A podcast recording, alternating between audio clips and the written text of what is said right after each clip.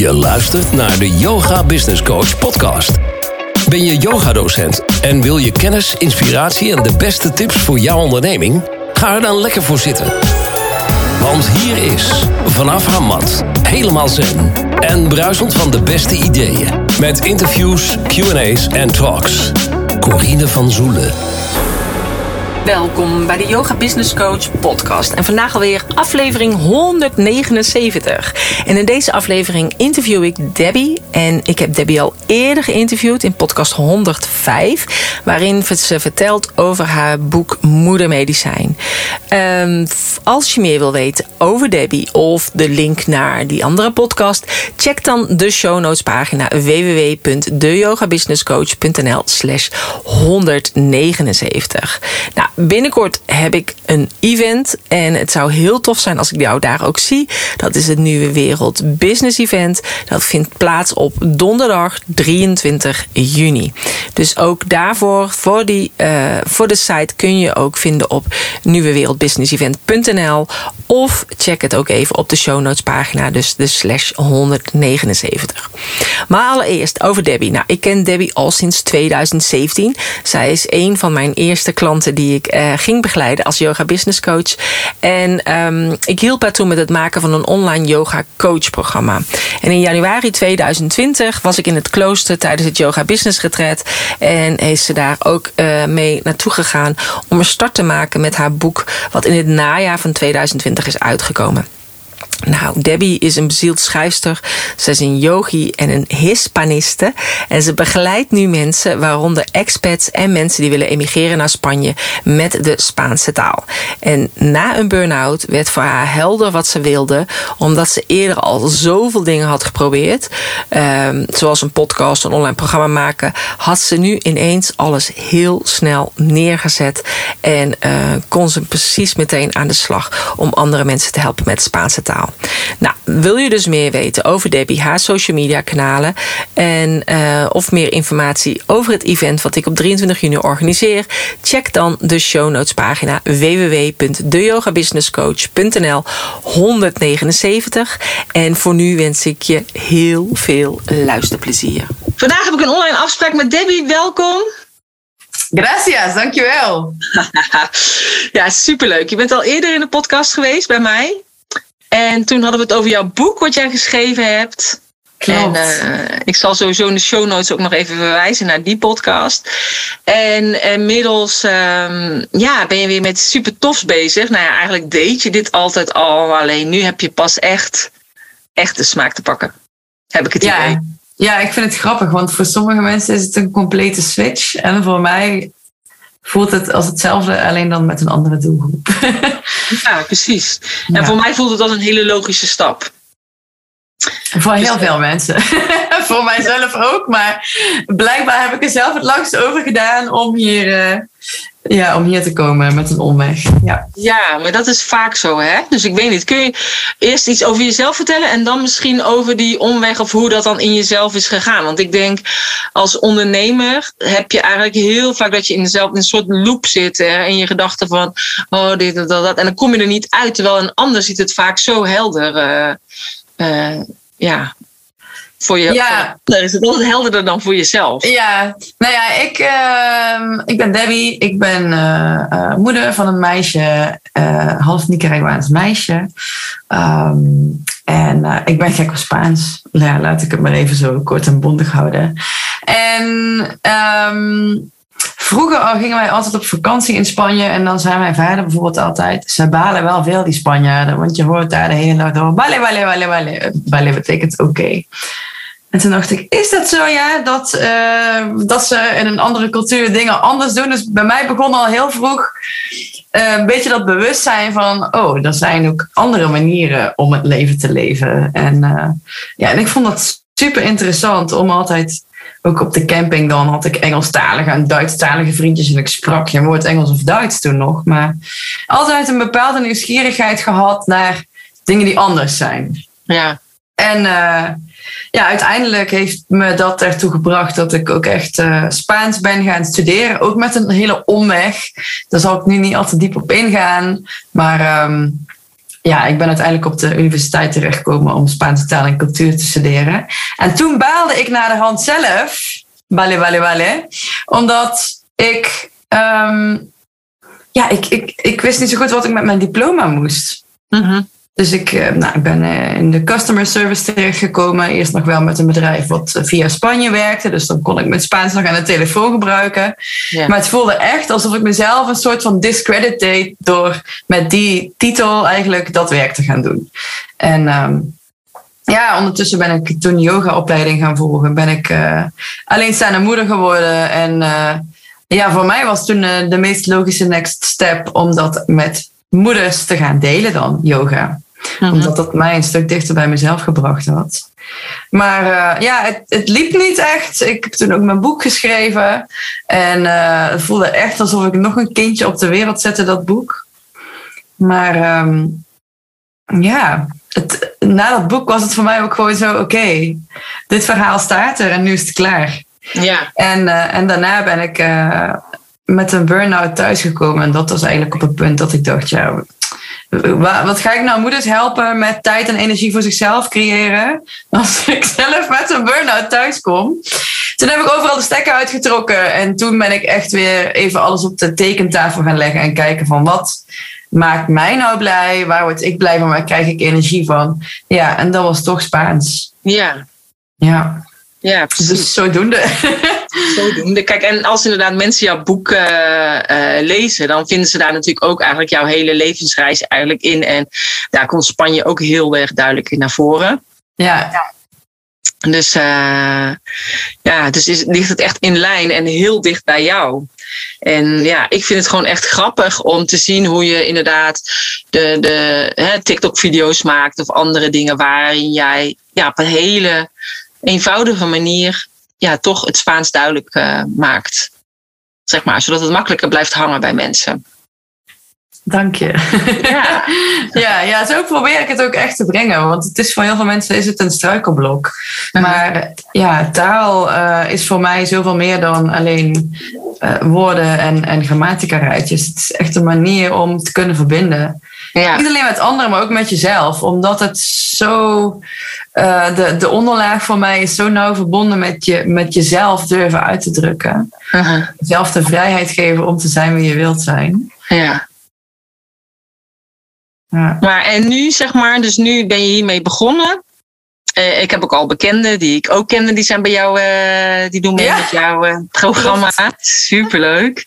Leuk. Dus, en hoe gaat het, zeg maar, hoe ervaren de deelnemers het? Ja, ik krijg vooral terug dat ze heel bijzonder vinden wat mijn visie op taal is. Dus ik, voor mij ligt echt die, die onderstroom. ehm, is veel belangrijk. Ja, en ik, ik vind dat al twee kanten hebben. Want dan lijkt het net alsof ik zeg dat, het, dat je niet correct hoeft te praten of zo. Of dat je geen grammatica hoeft te leren.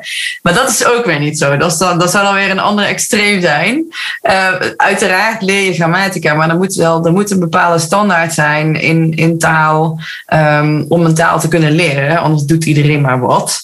Mhm. Ehm, maar wel in het, vooral in ik focus me echt op beginners, in de beginfase, jezelf die permission slip geven van ik mag fouten maken en van mijn fouten leer ik. In plaats Ja. van, oh, ik kan het niet, ik kan het echt niet helpen, ik doe het fouten, niemand begrijpt mij.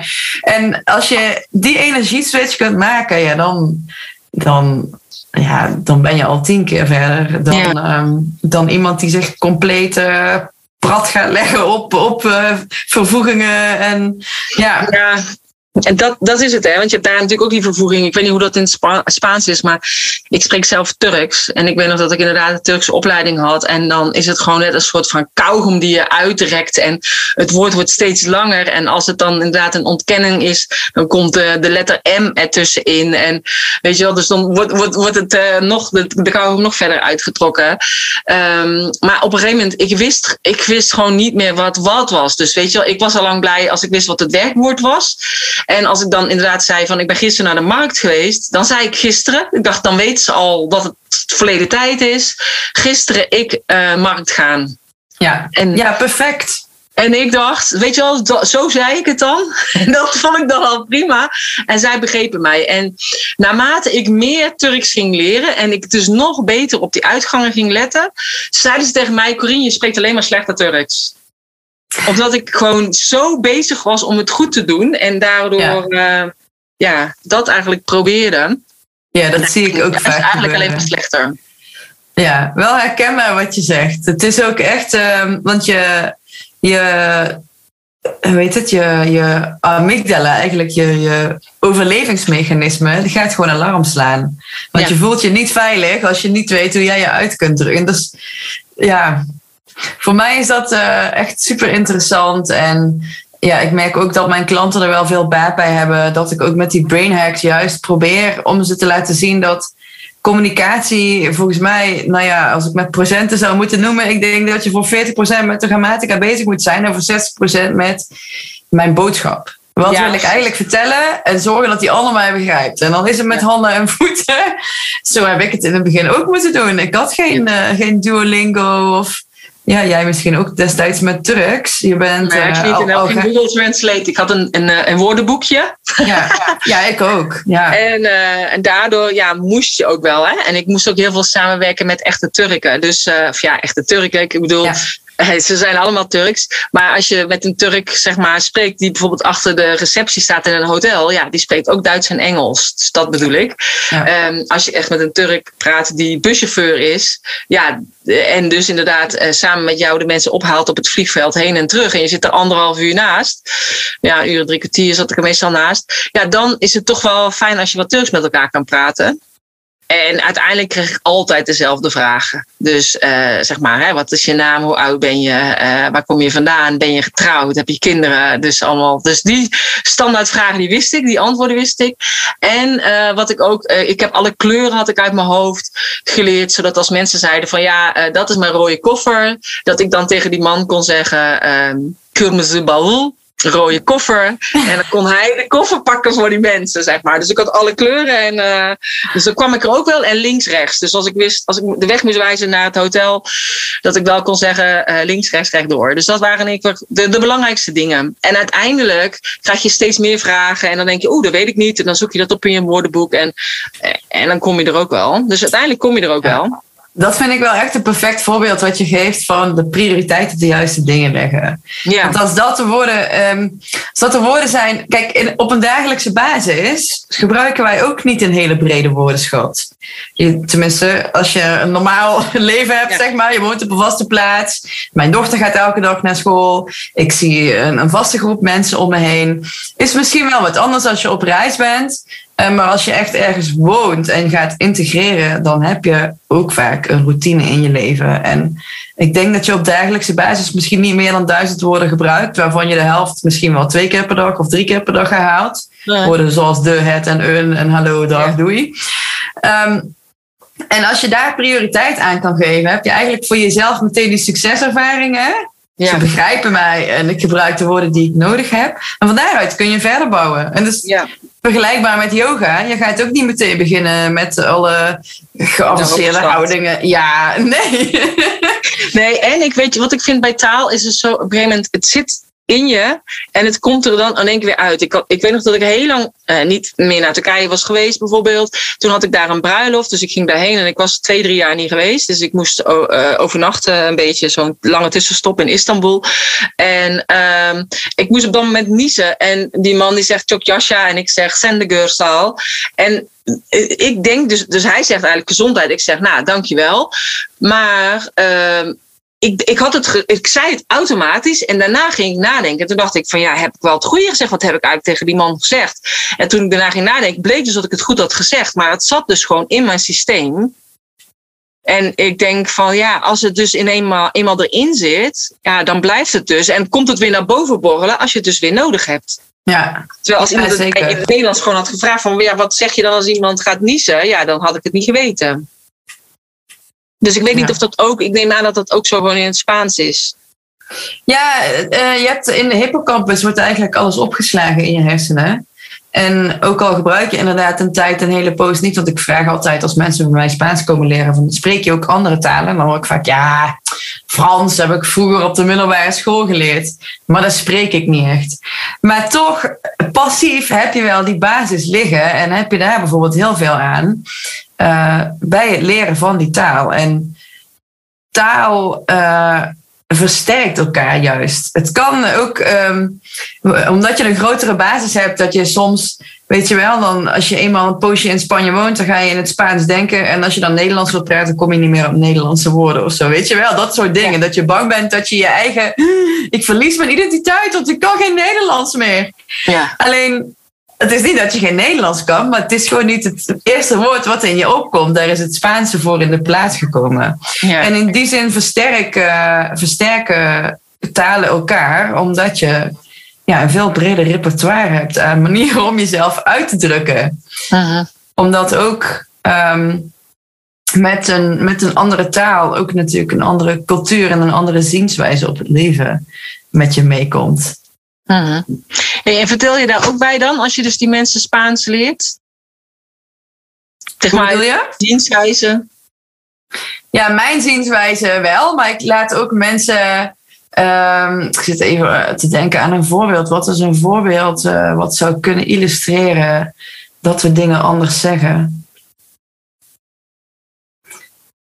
Oh, ik was vorige week op de universiteit, de Radboud Universiteit, en er was een man. En wat zei hij? Oh ja, hij zei: Je moet je wortels niet vergeten, maar je voldoende aanpassen aan het nieuwe land waar je woont om mee te kunnen. Terwijl je al die verschillende identiteiten die je hebt, Mhm. omarmt. En hij zei wortels. Wortels. En hij bedoelt natuurlijk je roots. En ik Ja. moest daar zo om lachen. Maar gewoon, dat is een voorbeeld van mij van... Ik begrijp precies wat hij zegt, maar het is geen correct Nederlands. Nee. Je moet je wortels eh, eh, niet vergeten. dus... eh, en, en toch begrijpt iedereen wat je zegt. Want wortelen gaat over aarde, over waar je vandaan komt. Dus ehm, ja, ja, en dat is eigenlijk wat belangrijk is. Dat je boodschap overkomt. Ook al zegt iemand iets op een manier waarvan je... Dat hebben wij al eh, in het verschil met eh, Vlamingen, hoe zij spreken. Ja, Dat je soms Ja. denkt, wat zeg je nou eigenlijk? ja, maar ik vind het wel heel mooi. Want ik heb ook wel heel veel Belgische yogadocenten die ik eh, moet begeleiden. En dan eh, dat zeggen ze, ja, ik ga herbronnen. En ik vind het zo'n mooi woord, herbronnen. En dan denk ik van, ja, zij hebben zulke mooie woorden die wij helemaal niet kennen of niet gebruiken of zo. Maar eh, ja. ja. dat ik denk, hoe verzinnen ze het gewoon? ja, ze verzinnen natuurlijk niet, maar eh, ja. Ja. heel tof. Hey, en jij hebt het over eh, de brain hacks. Kan je een voorbeeld geven? Want dat is natuurlijk ook wat ik gehoord heb van anderen. Dat het daardoor zo makkelijk is om te leren. Of doordat jij de dingen hebt uitgelegd, dat het daardoor makkelijker is om op te slaan. zeg maar. Ehm, ja, het, gaat eigenlijk eh, over allerlei aspecten die bij leren van een taal horen. Dus allereerst is je mindset natuurlijk kijken naar je motivatie. Wat zijn je verwachtingen? Liggen die in een realistisch kader? Liggen die in lijn met elkaar? Of denk je dat je over drie weken vloeiend Spaans spreekt? Ja, dan ga je jezelf teleurstellen en dan raak je gedemotiveerd. Dus het allerbelangrijkste is je motivatie. Dus daar ga je meteen vanaf het begin aan werken. Waar we het net over hadden met die woorden bijvoorbeeld. Waar ligt je prioriteit? Wat is belangrijk voor jou? En nou ja, bijvoorbeeld ook kijk eens naar ehm, wat zijn jouw dagelijkse gewoontes? En hoe kun je daarmee spelen op een manier dat je je hersenen laat weten van, oh ja, ik ben met iets nieuws bezig en ik mag met een open blik, Hm. want eh, een nieuwe taal eh, leren vereist echt een, een open blik naar de wereld. Je mag je laten verrassen, je mag je laten verwonderen. Ehm, bijvoorbeeld, ga eens aan de andere kant van je bed slapen. Of eh, ga eens zittend van de trap af op een dag lang. Weet je wel? Of ga eens. Ik heb bijvoorbeeld vanmiddag eh, in de middag yoga gedaan om even voor mezelf een break te nemen. En even weer zo van.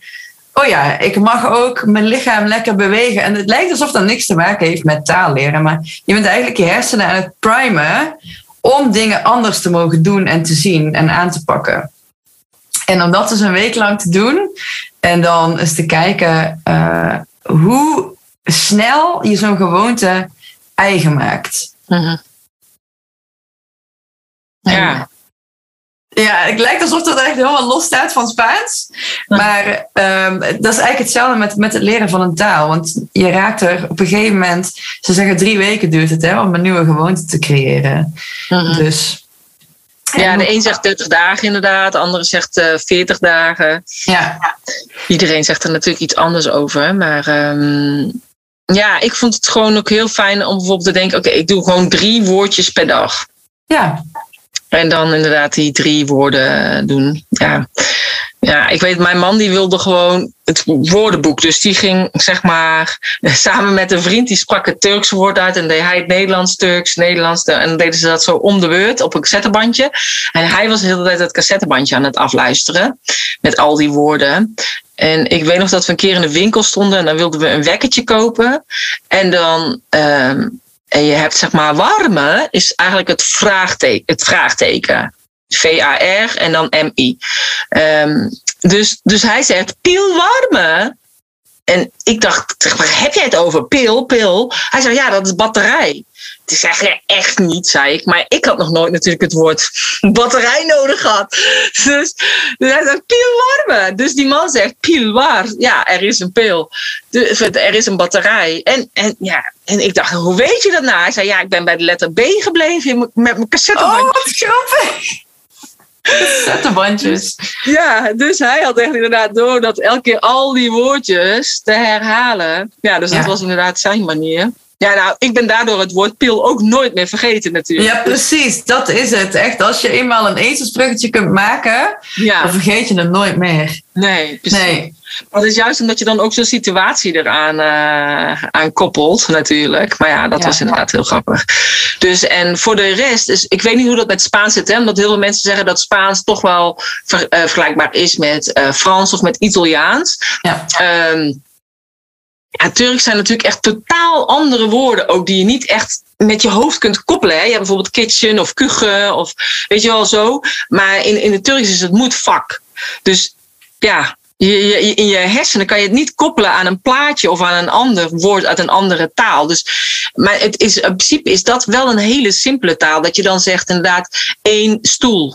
Uh, of twee stoel. Want dan hoef je niet het woord stoelen in het meervoud te zetten, want je zegt al twee. En ik weet niet of dat in het Spaans is dat dan ook zo? Nee, het Spaans is wat dat betreft iets ingewikkelder. Oh. het Spaans is niet zoals jij over het Turk zegt, zo'n conglomeratieve taal. Dus dat je van verschillende woorden die aan elkaar plakt een zin maakt. En inderdaad dat je met een prefix of een suffix een andere betekenis krijgt. Dat niet. Um, maar wel um, bijvoorbeeld enkelvoud, meervoud heb je een verschil, maar ook nog het geslacht van het woord. Dus mannelijk of vrouwelijk. Dus je hebt een stoel, dat is een vrouwelijke woord. Una silla. Dus mhm. als je dan zegt een gele stoel, het woord voor geel is amarillo, wordt het mhm. una silla amarilla. Dus dan krijgt die amarilla ook een A in plaats van een O, omdat het een ah, vrouwelijk woord is. Dan verandert hij mee. Oh, dat is echt heel ingewikkeld dan. Ja, vinden veel mensen ingewikkeld. Ja, voor mij, ik, ik was, voordat ik Spaans leerde, had ik al Frans geleerd op de middelbare school. Dus voor mij was dat niet zo'n verrassing meer. Mhm. Ja. Maar voor veel mensen is dat wel echt een, uh, een struikelblok. Ja. Ja. Nou, wel leuk. Hey, en nu heb je dus inderdaad die, die, uh, die, die switch gemaakt. Dus je gaat inderdaad mensen Spaans leren. Dus dat doe je gewoon aan expats, zei jij, die bijvoorbeeld mensen die gaan verhuizen naar Spanje, maar ook bijvoorbeeld mensen die het gewoon leuk vinden om de Spaanse taal te leren voor als ze op vakantie gaan of zo daar. Ja, de meeste zijn wel mensen die echt voor langere tijd in een Spaanstalig land willen verblijven. Of mensen die een uh, Spaanstalige partner hebben en ook met de schoonfamilie wat meer contact zouden willen leggen. Of op bezoek gaan zelfs. Um, en inderdaad ook een aantal die of van plan zijn nog te gaan verhuizen of, of op vakantie. Maar de meeste zijn wel echt mensen die er uh, ja, langere periodes verblijven. Ja. Ja. Ja, wel leuk. Hey, en als jij het doet, dan is het dus inderdaad met een met groepsverband? Of heb je video's? Of is het vanuit Zoom? Of hoe uh, begeleid jij ze? We hebben groepsessies via Zoom. één keer in de week. En uh, dan krijg je levenslang toegang tot. Omdat ik niet geloof dat je binnen 15 weken uh, de taal kunt leren. Ook niet als het alleen de basis is. Um, dus iedereen mag gewoon aan blijven sluiten. En Verder hebben we video's. We hebben 13 weken lang aan videocontent in de online leeromgeving en een community samen waar we contact in houden. Uh En uh, ja, af en toe uh, krijgen we nog een bonus interview. Binnenkort komt een uh, Nicaraguaanse vriend van mij die naar Nederland is geïmigreerd vertellen over hoe hij binnen zes maanden Nederlands leerde. In het Spaans. Ze mogen met een native speaker uit Spanje mogen ze oefenen kijken of ze tien minuten lang een gesprek gaande kunnen houden. En als dat lukt, dan zijn ze gewoon met vlag en wimpel geslaagd. Ja. Dus uh, ja, superleuk. En klanten ook die elkaar gaan opzoeken in Spanje. En uh, ja, ik, uh, ik ben helemaal blij. Ik vind het echt super tof. Ja, wel grappig. Hey, en je had het net al over inderdaad dat je zegt van ja, ik, ik, die, die, dat je erover na moest denken en zo. Kun je daar nog iets over, over delen? Over je, die worstelingen als ondernemer? Hoe dat, dan, hoe dat dan bij jou is gegaan?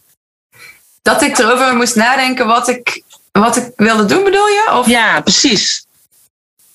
Nou, ik, ik heb toen um, op het punt eigenlijk dat ik besloot van ik ga stoppen met mijn yoga.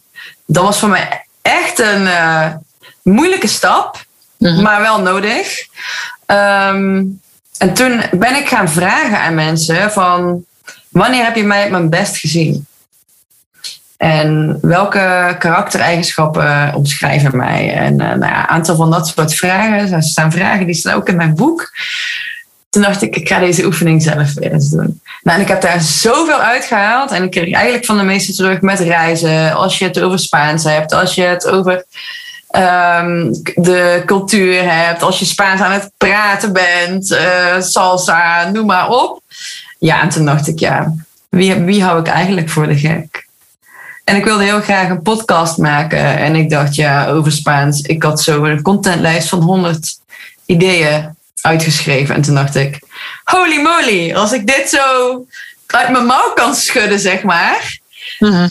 Ja, dus toen ben ik die podcast begonnen. En van daaruit is eigenlijk het balletje gaan rollen. Dus echt puur vanuit passie ben ik die podcast gaan maken. Ik had er nog geen verdienmodel of niks aan vastgehangen.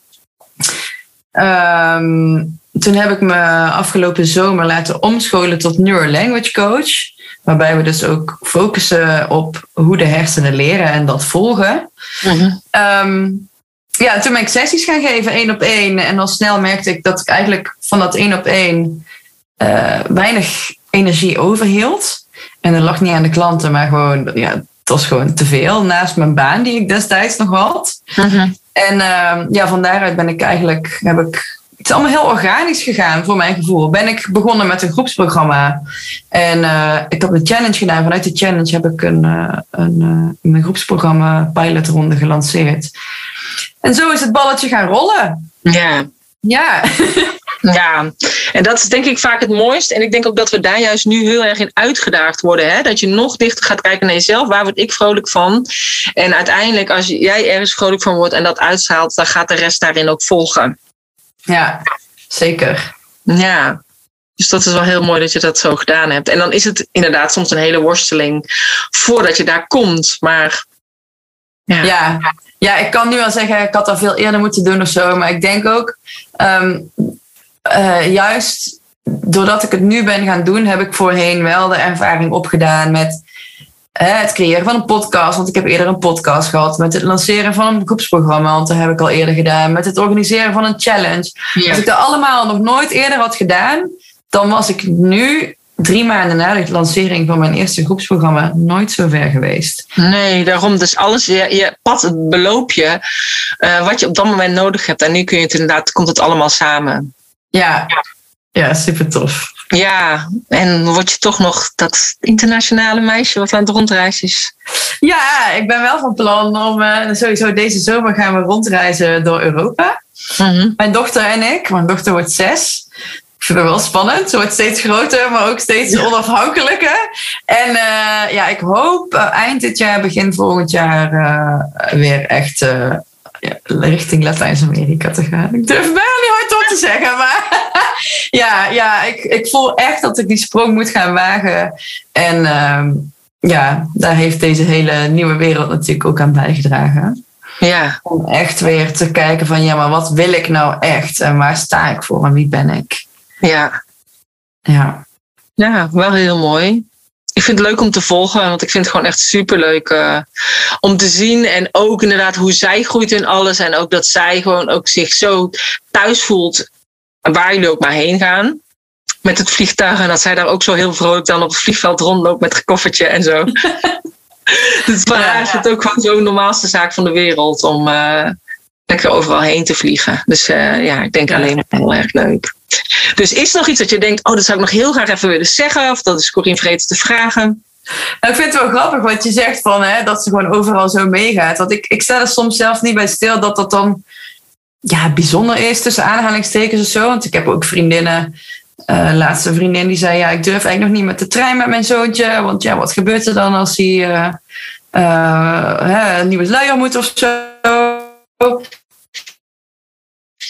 En toen dacht ik: Oh, Oh die drempels ben ik, allemaal, eh, ben ik allemaal al overheen moeten stappen. En voor mij is het gewoon het reizen. En juist ook door het reizen dat ik zie. Ik ben toen mijn dochter anderhalf was, zijn we naar Mexico gegaan. Ja. En ik heb altijd gedacht, ja, overal in de wereld zijn kinderen. En juist in die landen, weet je wel, kinderen lopen nog tot 10, 11 uur s'avonds op straat. En kinderen horen gewoon bij het leven. En hier zijn we soms zo ja, overbeschermend. En uh, rustroutine, regelmaat en reinheid. En af en toe denk ik, ik ben eigenlijk heel blij dat ik haar nu al zoveel mag meegeven en, en dat zij zo vrij mag opgroeien. En ja, ja dat, dat is echt wat ik hoop dat, uh, dat we de toekomstige generatie mee mogen geven. Dat je je eigen hart mag volgen. Ja, ja. ja nou heel mooi. Ja, en dat jij inderdaad naar Mexico ging, ja, dat weet ik nog. Vond ik echt gewoon zo stoer van jou. Echt hè? Dus, uh, maar ja, je hebt het wel gewoon gedaan. En ik denk ook daarin ben je gewoon echt een voorbeeld uh, voor haar. En dat je inderdaad altijd je gevoel mag, ja, mag volgen. Ja, dus dat, als ik iets zou mogen meegeven, is, is dat het. Uh, verruim je blik op de wereld. Ja. Of je nou Spaans gaat spreken of niet, maar ja, ga die grens over. Ja, nou ja, en ik denk, en dat is het voordeel van online. Want dan kun je dus inderdaad ondernemen zonder grenzen. Het is echt grenzeloos. En het maakt niet uit op welke plek je dan op de, op de wereld ergens zit. Dus je hebt nog steeds gewoon contact met je klanten. En je kunt nog steeds je boodschap doorgeven. En uh, ja, ook dat is een nieuwe wereld ondernemen. Ja. Ja. Ik dus, ben nou, benieuwd uh, welke, welke mensen jij nog meer gaat spreken. En ook super benieuwd naar jouw event. Heel erg tof wat je doet. Ja, nou dankjewel. Ja, daar ben ik ook heel benieuwd naar. maar het ontvouwt zich allemaal. Hè? Dus uh, ook dat is het gewoon elke keer. En voor mij voelt het ook dat ik denk, ja, ik moet gewoon bepaalde deuren sluiten. Ik weet nog niet wat het me gaat brengen.